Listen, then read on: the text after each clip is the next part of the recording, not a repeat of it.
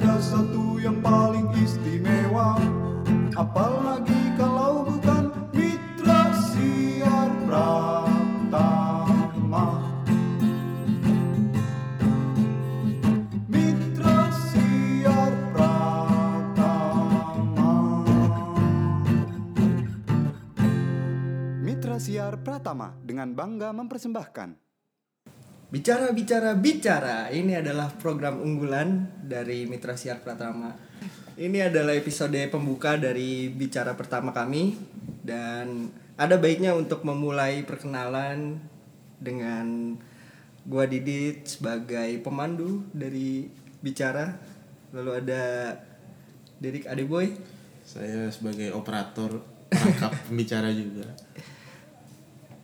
Saya Wildan sebagai talent jingle Oke. Iya tadi dia nyanyi. Oke. Jadi Mitra Siar Pratama itu dibentuk oleh suatu kesadaran Mhm. bahwa kita ingin mengisi waktu. Betul? Betul Betul. Betul. Betul aja. Betul aja. Dan bicara ini adalah suatu konsep siaran di mana kami sebagai Mitra Siar Pratama ingin membicarakan beberapa hal yang menurut kami penting. Penting nggak penting sebenarnya. Tapi ada baiknya kita membuat sebuah forum seperti ini Hmm. gitu, agar bisa menyuarakan apa yang sebenarnya terkonsep di pikiran dan bisa kita bicarakan dengan bebas Iya. Niat niatnya seperti itu. niatnya seperti itu. Dan khusus di episode pertama bicara kali ini kita akan memaknai suatu kata kunci yaitu kelahiran.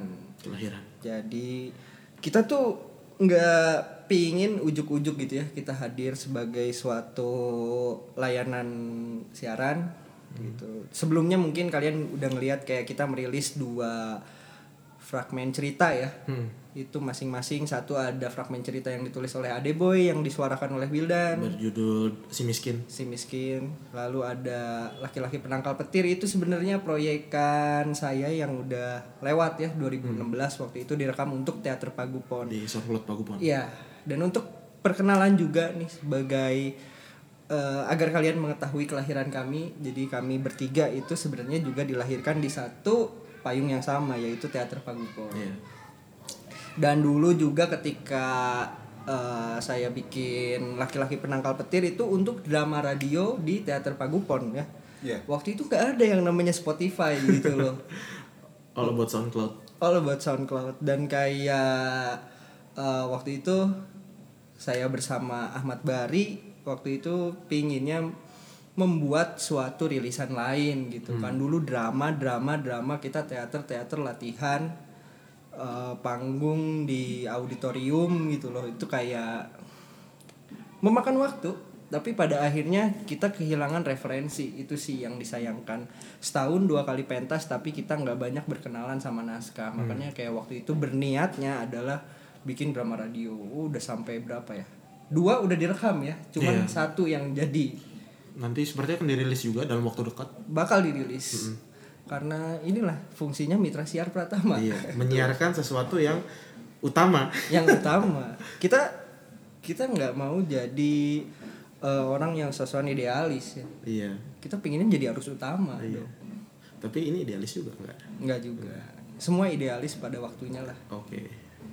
nah untuk memaknai kelahiran ini gimana ya kita ingin menjelaskan mungkin apa sih yang jadi concern di Mitra Siar Pratama Mhm. ya nggak sih Hmm. dan kita bertiga sepakat waktu itu mungkin ingin membicarakan apa pun soal kebudayaan, Kebudayaan. secara generik karena Humaniora. humaniora Humaniora dan humaniora di mana tempatnya dia bukan menjadi kontranya sains ya Hmm.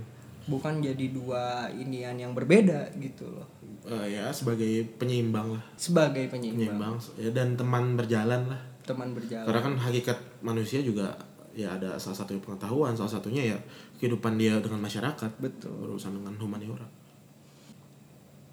Nah ngomong-ngomong soal kebudayaan, soal gue pengen narik lagi eh, ke suatu diskursus yang mungkin sempit tapi menarik nih soal suatu genre dalam sastra yang namanya science fiction. Sci-fi. sci-fi, fiksi sains.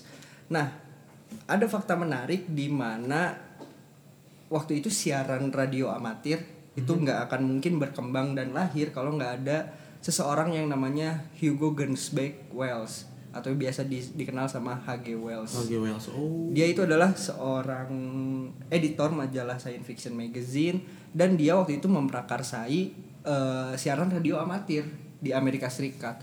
Waktu itu kan penemuan radio ini banget ya punya pengaruh yang sangat besar ya kan di di perang dunia. Iya. Dia digunain digunakan sebagai alat apa namanya alat komunikasi gimana setiap negara seolah-olah punya kode buat frekuensi radio punya apa punya kriptik gitu loh dan si Hugo Gernsback ini pasca perang dia melihat ini harus diolah jadi media baru nih ketika apa namanya kita ada waktu itu kan peralihan di mana teks dari koran dari buku dari majalah terus dia melihat wah radio ini kalau dibikin siaran seru nih kayak orang-orang ngobrol kayak gini dan lain-lain Nah, gue menemukan kayak si H.G. Wells ini dia orangnya apa ya kayak penemu lah. Pada akhirnya dia eh, memprakarsai gerakan radio amatir gitu loh. Itu tahun? Sekitar 60-an, 50 60-an pasca perang. Menuju perang dingin, eh, industrialisasi dan penemuan lain-lainnya. Terus kayak si H.G. Wells ini pada akhirnya eh, menekankan kalau amatir itu emang dulu sih dulu itu namanya amatir bukan berarti orang yang nggak punya nggak punya apa Pengalaman. pengalaman dan kemampuan tapi amatir itu adalah orang yang tidak masuk ke golongan komersil tapi melakukan hal itu demi demi kecintaannya sendiri gitu Punya sih sebuah idealisme ya. idealisme lebih ke kayak waktu itu dia siarannya ya nyeritain itu juga science fiction dan lain-lain Oh, untuk medium itu juga. untuk medium itu juga sampai waktu itu ceritanya H.G. Wells kan dia nulis War of the Worlds tuh yang ceritanya alien yang datang Hmm. Iya, iya. pernah dijadiin Tom ke layar ya? kaca waktu itu Tom Cruise nah itu kayak dulu dia mempromosikan bukunya itu pakai siaran radio. Oh. jadi waktu itu udah mungkin 8 tahun udah populer siarannya di San Francisco. Dia eh, menyiarkan itu kayak kita kita diserang kita diserang. Satu San Francisco itu panik dong. Yang tiba-tiba nggak ada di koran tapi beberapa ratusan orang mungkin kan mendengar ya. Kayak di tempat makan ada radionya mungkin lagi dengerin siaran radio dia. Terus dengan disiarkan berita kayak gitu hampir sejam dua jam satu San Francisco katanya chaos tuh gara-gara si H.G. Wells doang punya ide sebuah trik gitu. marketing yang jahat ya. trik marketing yang jahat tapi kayak itulah namanya informasi ya gak sih ketika suatu berita dikeluarkan padahal itu kan promo ya promo buku science fiction kita diserang alien Langsung gitu respon ya? seolah-olah terjadi beneran orang-orang panik dong dan ini menurut gua bagus ya H.G. Wells mengajarkan gua kalau kita tuh harus amatir sih ini mitra siar pertama adalah amatir Amatir. Benar Meskipun nama perusahaannya seperti perusahaan yang bonafit ya. Iya bonafit tapi Ini amatir. Ya kalau kita pilah lagi kita berdiri dari kata mitra karena kita ingin bermitra nantinya. Kita ingin ketemu orang-orang lah. Iya. Dan kalian nggak akan bertemu dengan saya Will dan dan Derek Adeboy saja nanti banyak. Banyak. Atau mungkin pendengar sekalian yang mendengar suara saya ingin ikut serta kami terima dengan tangan terbuka Iya, apa pun Karena kami bermitra. karena kami ingin bermitra Seperti ojek online. seperti ojek online. Nah, bagaimana nih dengan kedua teman saya? Apa yang mungkin bisa kalian bagi kepada pendengar? Karena kita mungkin eh, di segmen bicara ini lebih pingin soal referensi ya. Kita ngasih beberapa fakta menarik soal siapa pun yang kita suka supaya halayak juga bisa mengikuti hal ini di luar sih. Ini soal referensi. Hmm, kalau dari saya sih mungkin melihat eh, betapa dalam mungkin setahun dua tahun terakhir podcast atau siniar dalam bahasa Indonesia ini menjamur banget dengan berbagai macam elemen.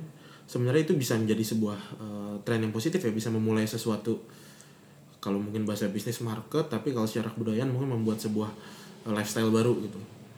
Nah, eh, termasuk mungkin yang ingin kami coba ya boleh dibilang mungkin ikut-ikut juga tapi boleh dibilang mungkin kami membuat sesuatu yang revolusioner entah mungkin nanti pendengar aja yang menghakimi kami seperti apa tapi pada dasarnya kami ingin membuat sesuatu yang eh, kira-kira kami senang melakukannya dan kami rasa bisa memberi dampak bagi masyarakat secara positif tentunya gitu.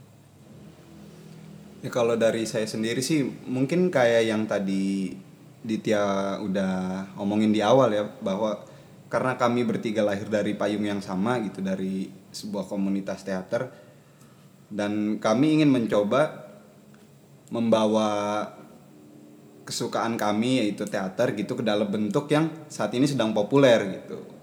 Jadi cuma pindah platformnya aja gitu dan dengan harapan apa referensi yang sudah kami baca sudah kami tahu sebelumnya bisa menyebar lebih luas melalui media ini melalui mitra siar Pratama. Gitu sih simpelnya. Dan kami tidak membatasi diri pada apa ya eh, sastra-sastra yang terkesan serius Ya. tinggi yang banal sekalipun juga kami terima. Dalam artian cerita-cerita yang simple yang sangat membumi gitu. Tidak harus yang ditulis dengan bahasa super puitis ya, apa pun itu kami terima di sini Kalau kayak medium-medium lain yang apa? tempat bernongkrong gitu. Terus kayak mungkin cerita-cerita horor kan kayaknya lagi naik-naik banget. hmm, iya iya Hmm. Kami memandangnya ya bolehlah silahkan Iya. dengarkan apa pun yang pingin kalian dengarkan. karena paling tidak apa yang disukai orang kan representasi sebuah masyarakat Hmm. terhadap sebuah objek gitu yang mereka sukai gitu nah mungkin uh, kami nggak tahu juga sih kami bisa menciptakan sebuah uh, pergerakan baru atau lifestyle baru entah tapi paling tidak uh, kami memandang semua sama baiknya yang ada gitu. Nah tapi kami memilih dengan cara kami yang seperti ini gitu. Mudah-mudahan berkenan. Bukan masalah gerakan juga sih lebih ke kita masih banyak pekerjaan. Dan kita masih harus melakukan komitmen. Yep ada cerita satu dan dua yang udah terbit dan kita pingin nantinya ada sampai cerita 300 iya Iya kan? benar Gitu. pokoknya mungkin kalau kami berdua dari Teater Pagupon Teater Pagupon udah 100 produksi kita pingin naingin Mitra Siar Pratama harus sampai 104 lah kira-kira Iya, Ya. Ya karena mungkin secara produksi juga lebih mudah ya Lebih dibanding mudah. pementasan yang butuh panggung. Jadi paling tidak saling mengimbangi aja gitu. Apa yang bisa kami kerjakan di panggung dan di eh, balik layar seperti ini. Nah mungkin kalau bicara budaya kan masih general dan susah ya. Tapi mungkin kita pingin ajak berkaca juga deh kayak hari ini kita merayakan banyak medium ya. Kayak ini kan yang kita pakai adalah kayak Spotify terus namanya podcast. Kayak kalau gua tadi ajak ke apa masalah radio amatir gitu. Kita masih merayakan lagi bentuk yang lama gitu. Hmm. dan gimana sebenarnya banyak medium-medium yang berubah dan mungkin apa ya hanya berubah bentuk kan. Seperti energi tidak bisa diciptakan atau dihancurkan hanya berubah bentuk. Ide juga mungkin seperti itu. Nah mungkin kalau kayak Wildan sebagai ketua pagupon yang menjabat sampai rekaman ini direkam bagaimana melihat teater kalau misalnya kita bicara sekarang hari ini anda sendiri melakukan drama radio gitu loh. Iya. Gimana ruang teater itu apakah masih relevan ataukah orang-orang itu udah lebih suka sama media lain yang mungkin dibilang kayak film atau apa? Kalau bicara relevan, mungkin masih relevan gitu untuk untuk sebagian orang gitu. Tapi masalahnya eh, sekarang mungkin yang yang bergeser itu animonya gitu. Mungkin tadinya jadi arus utama teater itu sekarang setelah lahir media baru kayak film atau web series kan sekarang juga lagi rame itu. Nah, bentuk seni pertunjukan atau seni peran yang yang seperti teater konvensional itu udah udah nggak minatnya udah nggak digandrungin lagi sama masyarakat gitu. Meskipun nggak benar-benar mati gitu. Nah kenapa akhirnya saya terjun ke drama radio juga itu ya salah satu bentuk kompromi gitu sama sama perkembangan zaman sama perkembangan platform yang ada. Bukan berarti mau mengkhianati konsep teater konvensionalnya itu gitu tapi karena sekarang udah ada media baru gitu dan kita coba masuk ke situ. Kan banyak juga eh, seni-seni pertunjukan yang fungsinya udah bergeser gitu kayak tari-tarian zaman dulu mungkin lebih ke ritual atau pemujaan tapi sekarang ya udah jadi bener-bener seni pertunjukan gitu. Kayak silat pun sekarang jadi seni pertunjukan seni tari gitu. Sedangkan dulu kan mana ada sih silat buat dipertontonkan sebagai sen- kesenian gitu ya dulu silat ya untuk bela diri gitu bukan sebagai eksebisi ya ya bukan sebagai eksibisi pertunjukan seperti itu gitu nah makanya karena kita adalah manusia yang melahirkan kebudayaan ya kita coba buat lebih dinamis aja sih gitu sama sama perkembangan Yang penting jangan terikat sama bentuk ya nggak sih? Benar. Kita harus menjadi air. benar Karena air mengikuti wadahnya. Bruce Lee ya Bruce Lee. Bruce, be like water Be like water itu kan quote-nya Bruce Lee. Kayak teater kalau misalnya berangkat dari kita harus latihan terus dipanggungin di mana di auditorium atau lain-lain itu kan pada akhirnya menjemukan gitu loh. Dan banyak sekarang karya-karya yang eh, bisa mengeluarkan kebaruan juga gitu loh. Pasti banyak kok tempat pertunjukan lain yang di Jakarta khususnya masih hidup tuh. Teater masih hidup banget sih di Jakarta. Tapi untuk zaman sekarang, eh, apakah baiknya kita melihat teater atau pertunjukan seni itu terpisah? Maksudnya fungsi secara estetis sama fungsi secara sosial buat masyarakat. Estetis dalam artian eh, untuk si pelakunya bagaimana, untuk masyarakat bagaimana. Perlu nggak sih kita pisahkan atau semua ini eh, sebenarnya sama aja gitu? Kalau dari yang gue lihat sih mungkin semuanya sama aja sih. Pada akhirnya kan kita mungkin menonton beberapa company teater di ibu kota yang udah gede karena namanya juga udah gede gitu kan. Mereka masih survive kok, masih sold out ketika mereka menjual pementasan. Dan teater-teater mahasiswa seperti yang sempat kita terjuni juga mereka kita masih survive dengan bentuk kita masing-masing kan. Nah, ini ada pertanyaan lagi nih dari saya. Saya kan nggak pernah sebagai aktor ya, ya di bagian lain lah. Sebenarnya ketika berperan gitu dalam sebuah teater lah, ya apa sih yang dicari seorang pemain gitu atau sutradara gitu? Apakah kepuasan macam apa sih yang dicari? Apakah ketika banyak ditonton atau berhasil mementaskan sesuai daya imaji dia? Sebenarnya apa sih? Saya mungkin kalau bermain jadi pemain hanya di akhir kelas juga sebenarnya. Tapi yang menarik eh mungkin semalam gue lihat videonya si Joseph Gordon-Levitt di TED dia cerita soal pengalaman dia sebagai aktor nih. Ini menarik kalau si Joseph Gordon-Levitt itu menceritakan katanya eh kalau kalian mencari attention gitu perhatian itu justru menumpulkan kreativitas kata si Joseph Gordon-Levitt. Lebih ke si Joseph Gordon-Levitt itu ternyata dia sempat demen acting tuh dari kecil. Dia sadar waktu kecil udah masuk sitkom Amerika tahun 70-an terus kayak pada akhirnya ketika kecil kan nyerita dong ke teman-temannya eh gue udah main dong di sini di sini di sini sampai akhirnya eh istilahnya crush dia gitu. Kayak cewek yang dia suka waktu kecil bilang eh lu tukang pamer deh sampai itu ngejatohin Oh. banget gitu itu ngejatohin. Dan pada akhirnya dia eh bangkit lagi jadi pribadi yang baru untuk kita jangan mencari attention gitu sih. Ini relate juga sama orang-orang sekarang nih yang hidup di Ah ya ya. ya. kebudayaan sosial media ketika kita nyari perhatian dari Iya. jumlah followers Viral, atau apalah virality. iya kayak si Joseph Gordon-Levitt cerita gue nggak pernah ngeliat follower apa gitu ketika 4 juta emang gue bahagia Mhm, ya. bukan bukan ketika bilang gue nggak bahagia lebih ke kayak sombong gitu gue nyarinya 10 juta lebih ke itu jangan diperhitungkan sih Jadi kalau boleh saya bikin sebuah statement, viralitas tidak sama dengan integritas. Iya.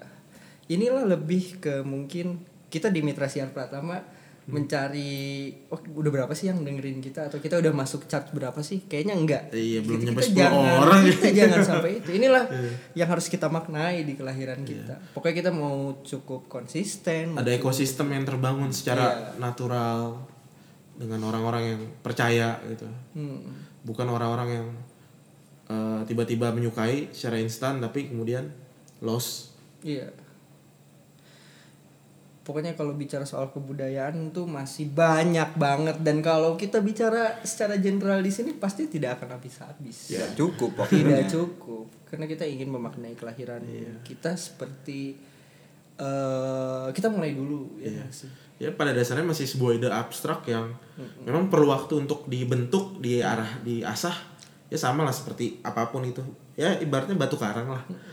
Eh, makin lama makin indah. Iya. Tapi ada beberapa sikap yang ingin kita junjung ya nggak sih di permulaan kita. Iya, iya. Kita nggak mau memberi penilaian subjektif gitu. Benar. Untungnya kayak kita bicara kelahiran, pada akhirnya kita nggak mau menarik sampai ke kelahiran kita yang gimana ya. Iya. Apakah mungkin eh, dogma keagamaan itu benar kalau manusia lahir dari surga bu? Ya kita tidak mau Iya, bilang itu. Tapi gimana kita pengen menawarkan itu itu juga. Iya.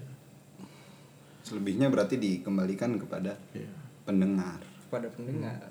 Ya kalau menurut kami pengalaman personal kami dengan sastra adalah sesuatu yang membawa kelahiran bagi mungkin apa pun yang kami jalani gitu. Hmm. Nilai-nilai yang eh, ya katakanlah sastra adalah sesuatu yang indah, sesuatu yang eh, bermakna bagi manusia dan kami merasa ini bisa menjadi sebuah awal. Iya. Karena tidak ada akhir kalau tidak ada awal. Ya. Karena akhir adalah awal yang baru. ya. Karena kita tidak pernah tahu kapan harus berhenti. Iya. Itu seperti Ouroboros ya. Uroboros. Apa tuh Uroboros tuh?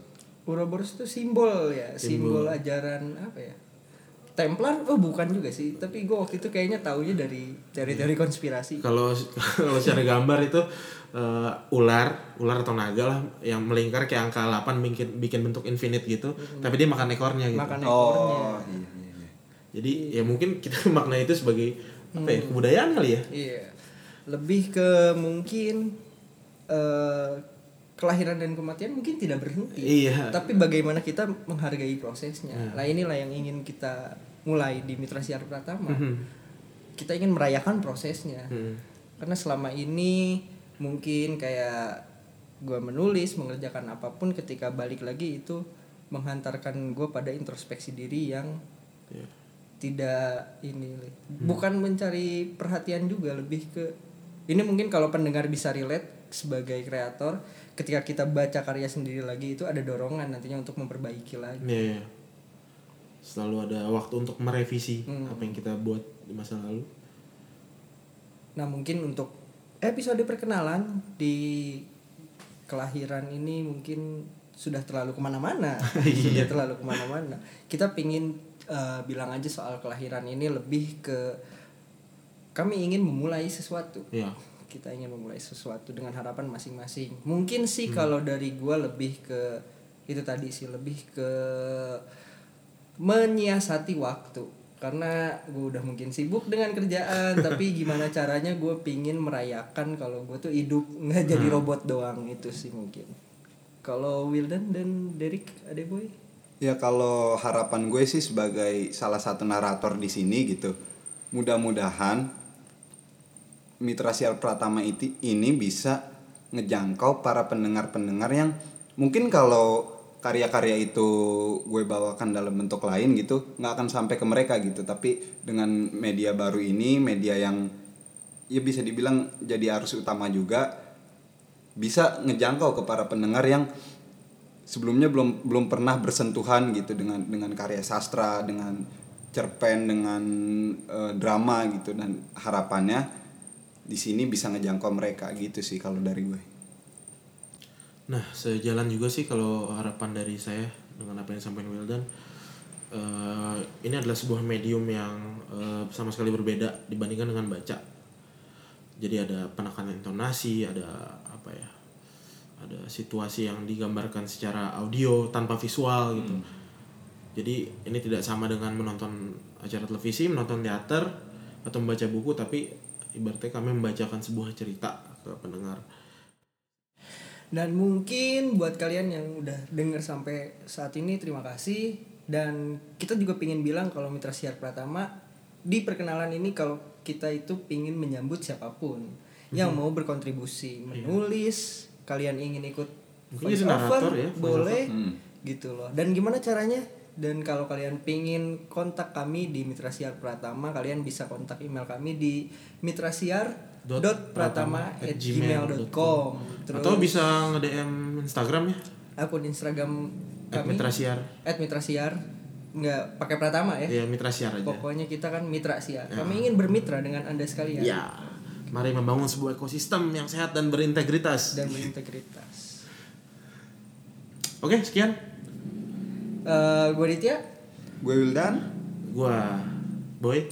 Oke, terima kasih telah mendengar podcast bicara pertama dari Mitra Siar Pratama dan sampai jumpa di siaran berikutnya. Terima kasih. Terima kasih telah mendengarkan Mitra Siar Pratama. Sampai jumpa di perbincangan berikutnya.